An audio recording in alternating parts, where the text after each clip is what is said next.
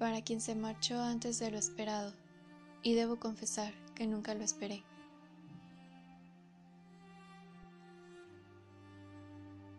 Me haces falta, te extraño.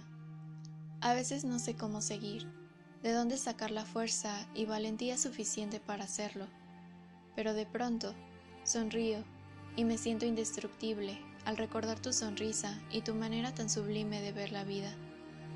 Pienso que fuiste un ángel que vino un tiempo y después tuvo que retomar su vuelo, o quizá una estrella, igual de fugaz.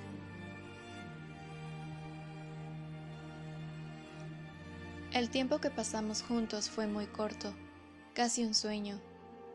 Tantas cosas por vivir, tantos sueños por cumplir, tantas promesas que se perdieron en la infinidad del tiempo, pero que aún se escuchan en mi latir.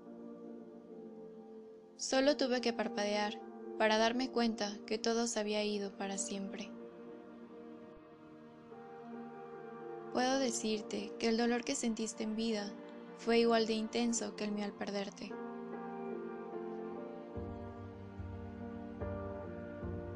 Te extraño, vida mía, pero he dejado de decirte adiós para darle paso a un hola. Cada vez que río es como si tú lo pudieras hacer a través de mí vivir la vida a través de mis ojos. Por eso me esfuerzo en ser cada día mejor. Tú me enseñaste eso y mil cosas más.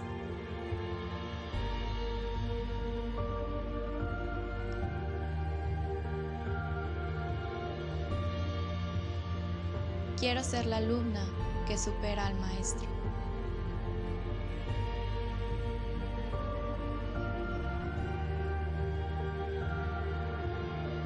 Te veo en mi reflejo, sé que estás aquí, en mi sentir, en mi vivir, en mi existir. En mi corazón siempre estarás, aunque esta vida hayas abandonado, tu luz siempre brillará. Eres la principal razón por la cual odio las despedidas. Además, ambos sabemos que esto aún no termina.